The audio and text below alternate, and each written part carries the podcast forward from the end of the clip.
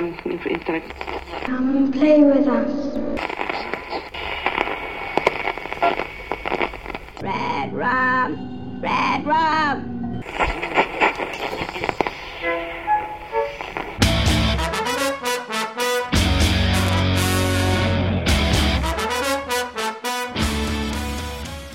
Witamy wszystkich w kolejnym odcinku podcastu Radio SK. Dzisiaj będziemy omawiać powieść Pokochała Toma Gordona, a skoro mówimy o powieści, to tradycyjnie jest ze mną Łukasz Skóra. Witam wszystkich. Pokochała Toma Gordona to króciutka książka Stephena Kinga opowiadająca o dziewięcioletniej Trish McFarlane, która podczas rodzinnej wycieczki schodzi ze szlaku i gubi się w lesie. Przez ponad tydzień szuka wyjścia, walczy z głodem, z komarami, z wszelkimi insektami, z leśną zwierzyną, i z pewnym prześladowcą. Co jest nietypowego w tej powieści? W zasadzie nie wiadomo, czy mamy nazywać ją powieścią, czy nowelą, gdyż jest to tak naprawdę utwór jednowątkowy i teatr jednego aktora. I King jest jednym z niewielu autorów, który potrafi napisać powieść, czy też właśnie długą nowelę, kilkusetstronnicową z jednym bohaterem. No bo tak naprawdę momenty, w których pojawia się rodzina Trish, to są tylko takie krótkie wstawki. No i tutaj rodzina e, głównej bohaterki jest w sumie sprowadzona do roli tła i początkowo, jak czytałem tę nowelę, to skojarzyło mi się trochę tak z fistaszkami, ale z takimi fistaszkami Arebor, czyli jakby na odwrót bo w fistaszkach dzieci są głównymi bohaterami, a jakby rodziców też nie ma. No tylko, że tutaj King tworzy swoją taką bardziej makabryczną, bardziej smutną wersję. King już drugi raz robi coś takiego. W krótkim odstępie czasu. Siedem lat wcześniej opublikował książkę Gra Geralda, w której mamy 300-stronnicowy opis przedstawiający historię jednej kobiety, która dodatkowo jest przykuta do łóżka przez większość powieści. Ja jestem ogromnym fanem tamtej książki, a Pokochała Toma Gordona mamy całą masę podobieństw do Gry Geralda. Tradycyjnie, jak to u Kinga, bohaterka słyszy różne głosy w swojej głowie, które w omawianej tutaj książce przybierają dodatkowe różne postaci, co jest oczywiście spowodowane tym, że mamy do czynienia z dzieckiem. Poza tym w obu książkach mamy potwora czającego się w cieniu, który ostatecznie atakuje swoją ofiarę. I ja czytając grę Geralda byłem autentycznie przerażony w tych momentach. Pokochała Toma Gordona nie oddziaływała na mnie w taki sposób, ale to jednak mimo wielu podobieństw w budowie zupełnie inna historia skierowana też chyba do innej grupy czytelników. Przy czytaniu Pokochała Toma Gordona no właśnie miałem taki problem, y, że nie wiedziałem dla kogo skierowana jest ta książka, dla jakiego czytelnika. No bo w dedykacji King pisze, że poświęca tę książkę swojemu synowi Owenowi, który więcej nauczył go o baseballu niż on nauczył jego. Dla mnie ta książka nie jest jakby ani dla młodego czytelnika, no bo jest zbyt straszna, natomiast dla czytelnika dorosłego może się wydawać zbyt infantylna trudno utożsamić się dojrzałemu czytelnikowi z dziewięciolatką. No i dla mnie tutaj wyszło coś na kształt takiej fabularyzowanej wersji podręcznika survivalu, czyli sztuki przetrwania, no ale dla najmłodszych. Bo mamy tutaj różnego rodzaju wskazówki dla czytelnika że jeżeli zgubi się w lesie, no to powiedzmy musi iść e, z prądem strumyka, bądź że tam mech może wskazać mu kierunek. No i suma summarum, byłem jakby tak w rozkroku czytając tę książkę. No, wydawało mi się, że ta książka nie jest odpowiednia dla młodszego i starszego czytelnika. No i, i w sumie nie wiem, komu to może się spodobać. Omawiając tę książkę, trzeba wspomnieć też o wielkiej pasji y, Kinga, jaką jest baseball. No bo już sam tytuł zawiera w sobie nazwisko baseballisty, gracza czerwonych skarpet, którym King od lat wiernie kibicuje. Co ciekawe, King wystąpił w komedii romantycznej z Drew Barrymore, Miłosna Zagrywka, która opowiadała właśnie o fanach tej drużyny, a także współtworzył książkę, w której wraz ze Stuartem Onanem spisywali kronikę sezonu 2004. Z tą książką jest związana taka dość ciekawa anegdotka. Nie wiem, na ile ta historia jest prawdziwa, a na ile to jest tylko anegdota, ponieważ na Red Sox ciążyło coś, co nazywane było klątwą Bambino. Ta drużyna od 86 lat nie wygrała rozgrywek sezonu, a w sezonie, w którym Stephen King zaczął pisać książkę o nich, nich. Przed jednym z meczy z Jankesami Onan poprosił jednego z zawodników o piłkę. Pokazał ją Stevenowi, który napisał na niej klątwa zostaje zdjęta i akurat w 2004 roku Red Soxi wygrali rozgrywki sezonu. Co ciekawe, prześledziłem sobie biografię Toma Gordona i w tym sezonie on już nie był zawodnikiem Red Sox, a właśnie graczem ich największych przeciwników, czyli Yankesów. Sama książka Pokochała Toma Gordona jest też podzielona na rozdziały, tak jak mecz baseballa. Każdy rozdział to kolejna rozgrywka. I wydaje mi się, że to może na samym początku trochę odrzucać czytelnika, a przynajmniej polskiego czytelnika. Bo jednak dla przeciętnego Polaka ten sport to jest czarna magia.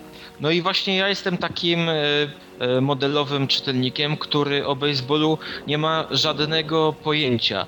Szczerze mówiąc, po przeczytaniu tej książki e, ja nawet nie wiedziałem, czy chodziło tutaj o zawodnika baseballa, e, czy futbolu amerykańskiego. Mm, Dopiero kiedy spojrzałem z powrotem na dedykację, przypomniałem sobie, że chodzi o baseball. Natomiast, i co pozytywnie mnie zaskoczyło, nieznajomość reguł sportu baseball zupełnie nie przeszkadza w lekturze. Można to traktować po prostu jako takie symboliczne przedstawienie i symboliczne nawiązanie właśnie do rozgrywki pomiędzy Trishą a ciemnym lasem. Ponieważ no równie dobrze to mógłby być mecz, nie wiem, ping-ponga, o ile King byłby fanem tego sportu. No więc pozytywnie byłem zaskoczony i pod tym względem właśnie tutaj King nie przesadził. No, Ja miałem podobne odczucia. To znaczy początkowo też może troszeczkę się obawiałem, chociaż ja mam jako takie drobne pojęcie, na czym polega mecz baseballa, ale właśnie tutaj większość tych wątków to była właśnie symbolika. Chyba tylko raz taką dezorientację poczułem, jak Trish słucha pierwszej relacji z meczu i ona jest dość długo opisywana. I widać, że Stephen King jest fanem Toma Gordona, tego zawodnika, no bo mm, w, w tej książce zamysł Kinga jest mniej więcej taki. Na początku dziewczynka wspomina, kiedy pytała ojca o Boga. Zadawała mu jakieś trudne pytania typu czy Bóg istnieje, na co y, ojciec odpowiadał, że mm, no wiesz, raczej, raczej jest coś takiego jak niesłyszalne. Jakaś taka niewidzialna siła, moc. Triszy przypominają się w lesie te słowa.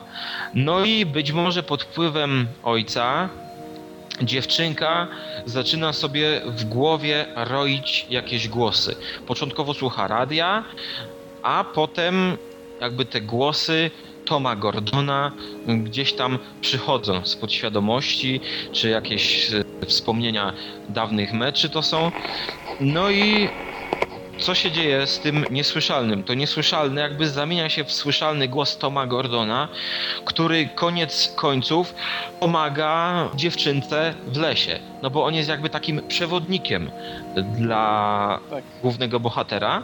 No i tutaj znowu do nas powraca ten motyw kingowski, gdzieś tam tego zakamuflowanego boga, gdzieś czającego się e, w tle. Jeżeli chodzi o mnie, to ja, ja nie jestem dobry w odczytywaniu takiej symboliki w książkach Kinga. Dla mnie książki Kinga to jest głównie rozrywka. No i tutaj kilka jednak motywów nie do końca mi pasowało. Dobra, wizualizacja postaci Toma Gordona, którą sobie stworzyła Trisha, to był jej po prostu przyjaciel. To, z mojego punktu widzenia to był głos w jej głowie, który ona sobie zmaterializowała z konkretnych powodów, ponieważ była fanką tej drużyny baseballowej. Natomiast w książce pojawiają się dodatkowo koszmary. Trisha spotyka w pewnym momencie trzy zakapturzone postacie. Ja sobie zdaję sprawę, że to był sen, chociaż to też tak do końca nie było tam powiedziane otwarcie, jednoznacznie, że to był sen. Ale możemy wnioskować, że książka nie ma raczej elementów nadprzyrodzonych. Zdaję sobie sprawę, że to był sen, no ale mi ta scena nie do końca pasowała. Yy, No wiesz co, ja zdaję sobie sprawę, że być może moja interpretacja jest jakąś nadinterpretacją, ale sam King jakby zmierza w stronę takiego niedopowiedzenia, takiej baśniowości. Nie wiadomo, czy te jej widzenia, te postacie, które spotyka, te jakby mm, straszne postacie rodem z koszmaru są właśnie, czy to jest sen, czy to jest wynik y, zjedzenia wilczych jagód i jakichś halucynacji. Jakby główna bohaterka do końca nie jest pewna, czy spotkała kogoś prawdziwego, czy, czy to jej się wydawało, y, roiło w głowie. Tak, bo nawet w finałowej scenie, żeby za dużo nie zdradzać, gdy już potwór wkracza na scenę i my jako czytelnicy widzimy, no że jest to y, jakaś tam normalna istota, a nie nadprzyrodzona, ale tak do końca też cały czas tam jest jednak zostawione, zostawiony taki margines, że nie ma tej pewności. Dokładnie. I znakomicie Kingowi wychodzi w takie podprowadzanie tego nieznajomego, tego, tego zła, bo y, w głowie Triszy rodzą się myśli takie jak wszystko przez tą wodę powiedział chłodny głos. Coś było w wodzie, skarbie. Najprawdopodobniej umrzesz przed zachodem słońca. Y, I z jednej strony nie wiemy, czy, no to, to, jest, to jest ja- jakieś właśnie obawy ma, małej dziewczynki, ale z drugiej strony może mówić tutaj jakieś powiedzmy jeszcze nieokreślone mm, zło które może się objawić pod koniec powieści. No i to jest bardzo dobre stopniowanie napięcia. Czytelnik do ostatniej strony książki oczekuje, co to ją śledzi, co to może ją napaść i co to będzie. No a zakończenie jest zaskakujące.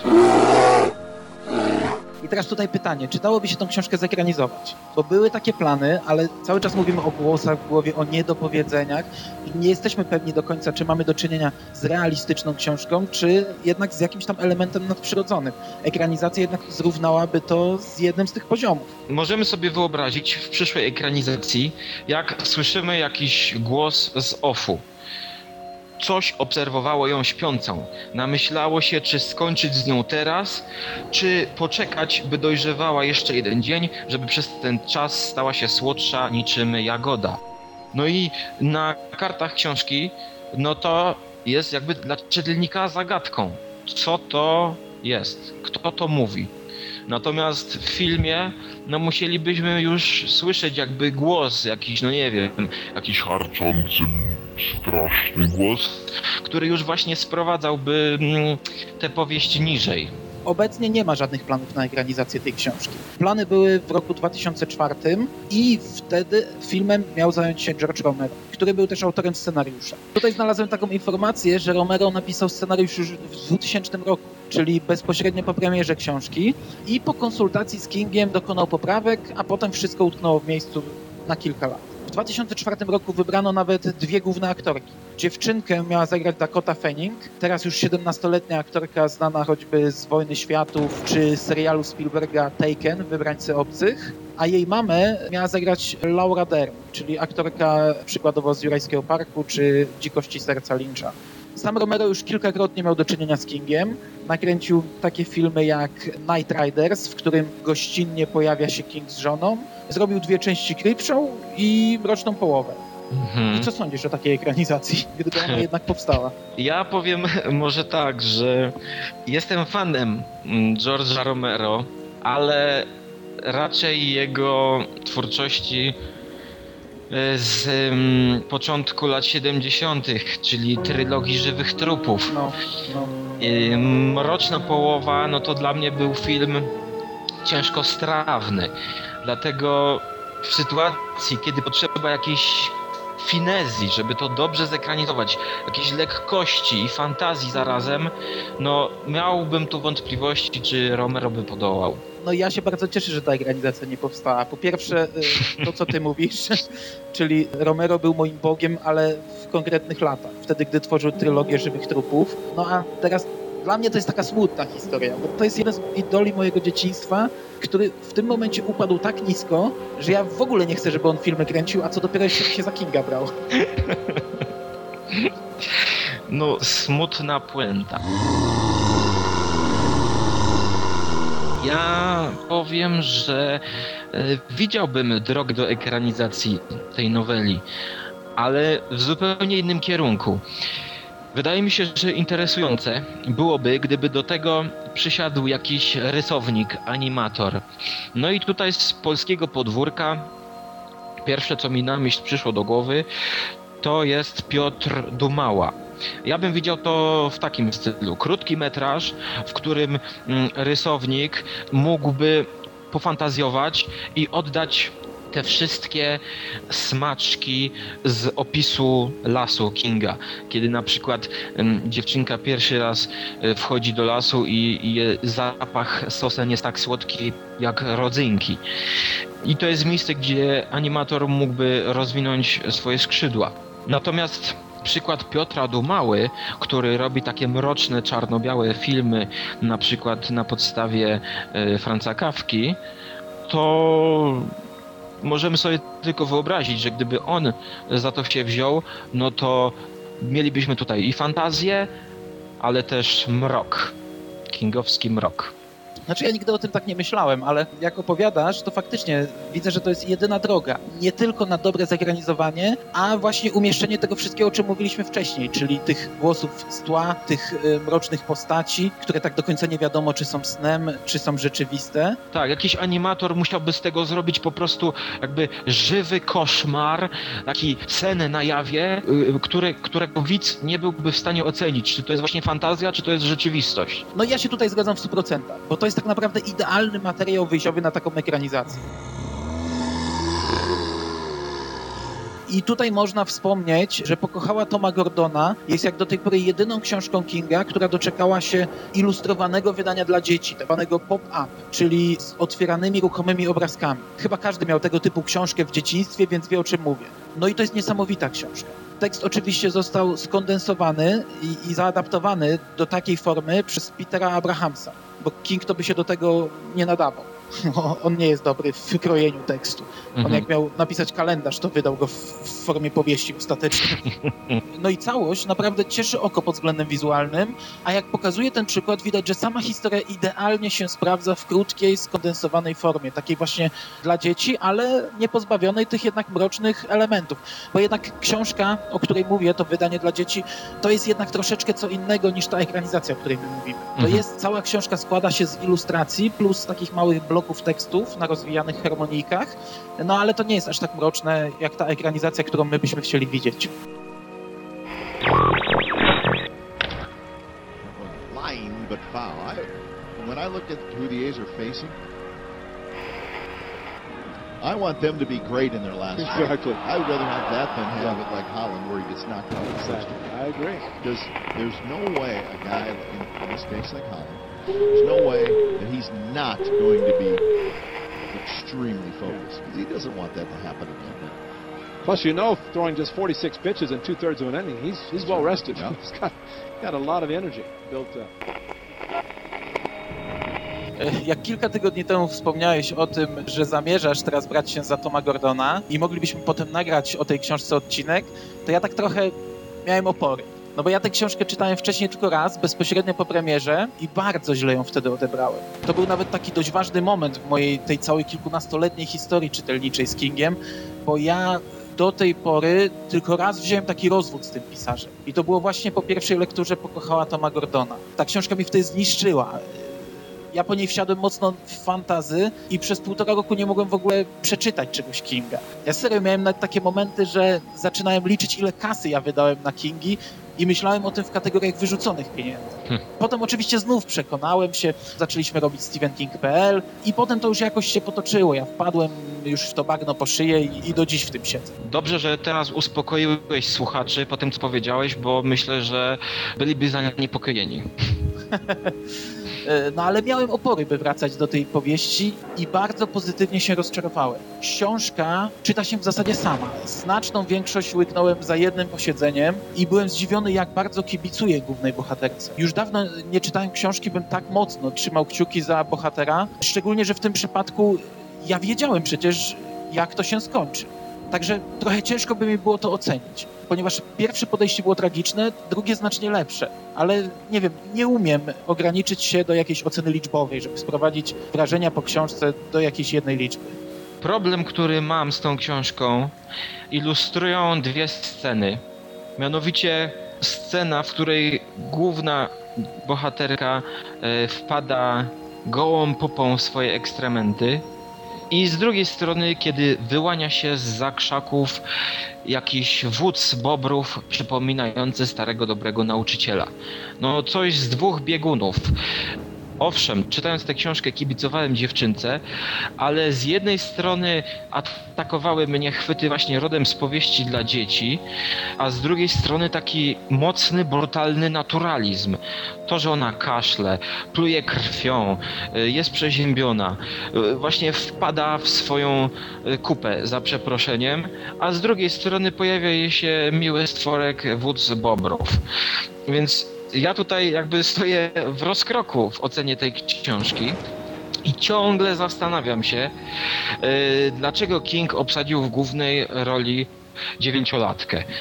Yy, no ale powiedzmy tak, po tygodniu przemyśleń znam odpowiedź. No i to jest coś dla Owena Kinga, którego psychikę Stephen King próbował zahartować, dając mu właśnie obraz niebezpieczeństw czyhających go w, lesie i tym samym przestrzegając go. No, on upiekł kilka pieczeni na jednym ogniu, napisał książkę, wygłosił kazanie dla swojego syna, no ale ja bym jednak tej książki nie polecił czytać waszym dzieciom, no bo może powstać kolejny twórca horrorów. Somebody fell out of the stands in left field trying to uh, feel the baseball got loose. Glad that was hit down in the corner by Connor Jackson, a fan trying to make a spectacular play, get on TV. Swing and a miss. So Jackson strikes out. So Derek Holland, impressive early. He's got four strikeouts. This is it. That's why there was time taken. Just for baseball. No ale kiedy odpowiedziałem sobie tak na własny użytek, że to jest dla małego Kinga, żeby nie uciekł ojcu Stevenowi do lasu i nie zgubił się, no to dowiedziałem się, że w 98 roku, kiedy King pisał tę książkę, młody Owen King miał już ponad 20 lat. No więc yy, moja teoria tutaj bierze w łeb i nadal nie wiem, dla kogo może być ta książka. Więc jedyną odpowiedzią, jaka mi zostaje, jest to, że jest to książka dla fanów Kinga, którzy z chęcią zajrzą do takiej ciekawostki, i dla nich będzie to coś interesującego. Po części się z tą zgadzam, bo ja też za bardzo nie wiem, do kogo ta książka została skierowana i wydaje mi się, że właśnie ewentualna przyszła ekranizacja, która poszłaby w konkretnym kierunku, mogłaby spowodować, że ta historia stałaby się trochę lepsza. Na chwilę obecną, czy to jest książka skierowana do fanów? No nie wiem, ja byłem wielkim fanem Stephena Kinga i po tej książce miałem dość tego człowieka na długi, długi czas. Przynajmniej przy pierwszym podejściu. Ciężko powiedzieć, bo tutaj tak naprawdę nie ma takich rzeczy, które można by skierować do fanów. Książka dla fanów to była Misery, gdzie King puszczał oko w ich kierunku. Tutaj w zasadzie jedyną taką ciekawostką dla fanów, moim zdaniem, jest powrót do miasteczka Castle z tym, że to są takie drobiazgi. Dla tych, co nie wiedzą, Castle Rock swego czasu było takim głównym miastem Stephena Kinga, przez niego stworzonym i on w pewnym momencie postanowił zniszczyć to miasto. Napisał tak zwaną trylogię o Castle Rock, Mroczna Połowa, Polaroidowy Pies i Sklepik z Marzeniami, w którym ostatecznie rozprawił się z miasteczkiem, zrównując je niemalże z ziemią. A od tamtej pory on co jakiś czas wraca w książkach i to jest właśnie taki element, moim zdaniem, jedyny skierowany do fanów, gdzie on właśnie puszcza oko i po kolei jeszcze podaje kilka elementów układanki z tego miasteczka, bo to miasteczko tak naprawdę cały czas żyje. Mhm. I co jakiś czas Stephen King gdzieś tutaj wtrąca, że mhm. coś się dzieje w Castle Rock. My wiemy, że to miasteczko zostało jakoś tam odbudowane, wiemy, że pojawił się kolejny szeryf i tak dalej. On już mhm. nie pisze w tym mieście, ale je wciska w swoje książki. I w Pokochała Toma Gordona pojawia się to miasteczko co jakiś czas, gdy są wzmianki o rodzicach rodzice spędzają noce w motelu, zostają powołane ekipy ratunkowe, które wyruszają do lasu i to wszystko dzieje się w miasteczku Castle Rock. I dla mnie to jest jedyny element w tej książce, który może być skierowany do fanów. Reszta to jest tak jak mówisz, taki miszmasz. Jedna część to duży naturalizm, druga część to bajeczka dla dzieci. No słuchaj, mówiąc, że to jest książka dla fanów, mam na myśli y, fanów, którzy przeczytali powiedzmy 20 książek Kinga, wiedzą jaki jest jego y, styl, wiedzą czego można się oczekiwać po Kingu i to jest taka ciekawostka dla fanów czyli dla miłośników Kinga, którzy mają ochotę na skok w bok, na coś troszkę innego. Ja właśnie tą książkę bym chciał traktować jako ciekawostkę. Ja kilkanaście lat temu przeczytałem w internecie, jeszcze nie było wtedy Stephen King.pl, internet raczkowo, ja przeczytałem taką informację, że to jest książka, którą on wydał tak z nienacka z okazji 25-lecia swojej kariery wydawniczej. Nigdy później już nie trafiłem na taką informację, dlatego uważam, że to był jakiś wymysł, ale chciałbym to traktować właśnie jako taką ciekawostkę, jako taką książeczkę, którą on sobie z jakiejś okazji wypuścił. I myślę, że pokochała Toma Gordona z racji na swoją objętość, gdyby znalazła się w jakiejś zbiorze dłuższych nowel, coś na wzór czterech pół roku czy cztery po północy, to by na tym zyskała. A ja uważam, że gdyby ta nowela pojawiła się w otoczeniu innych nowel, no to, że mogłaby nawet stracić, mogłaby gdzieś zniknąć w tle. Dla mnie nie ma znaczenia, czy nowela wydawana jest w zestawie, czy osobno. Czy opowiadanie wydawane jest, nie wiem, w gazetce, czy w zbiorze opowiadań, bo ja staram się traktować mm, każde dzieło jakby osobno.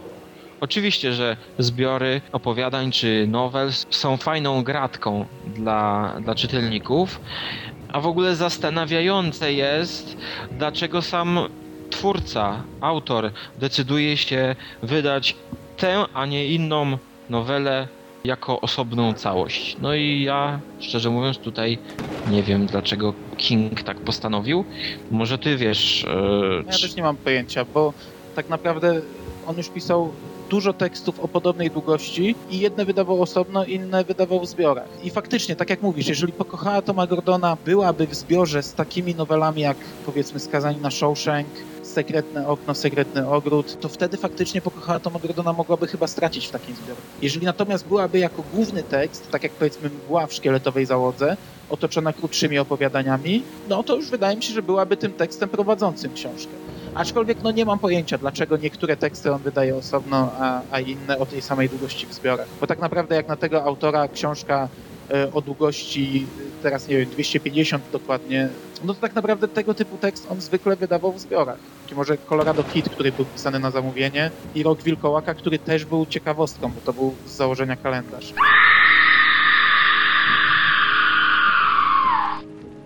Na tym kończymy dyskusję o książce. Ja pożegnam się z wami słowami Kinga, które kończą książkę. Nie próbujcie zbaczać ze szlaku. Do usłyszenia. Do usłyszenia.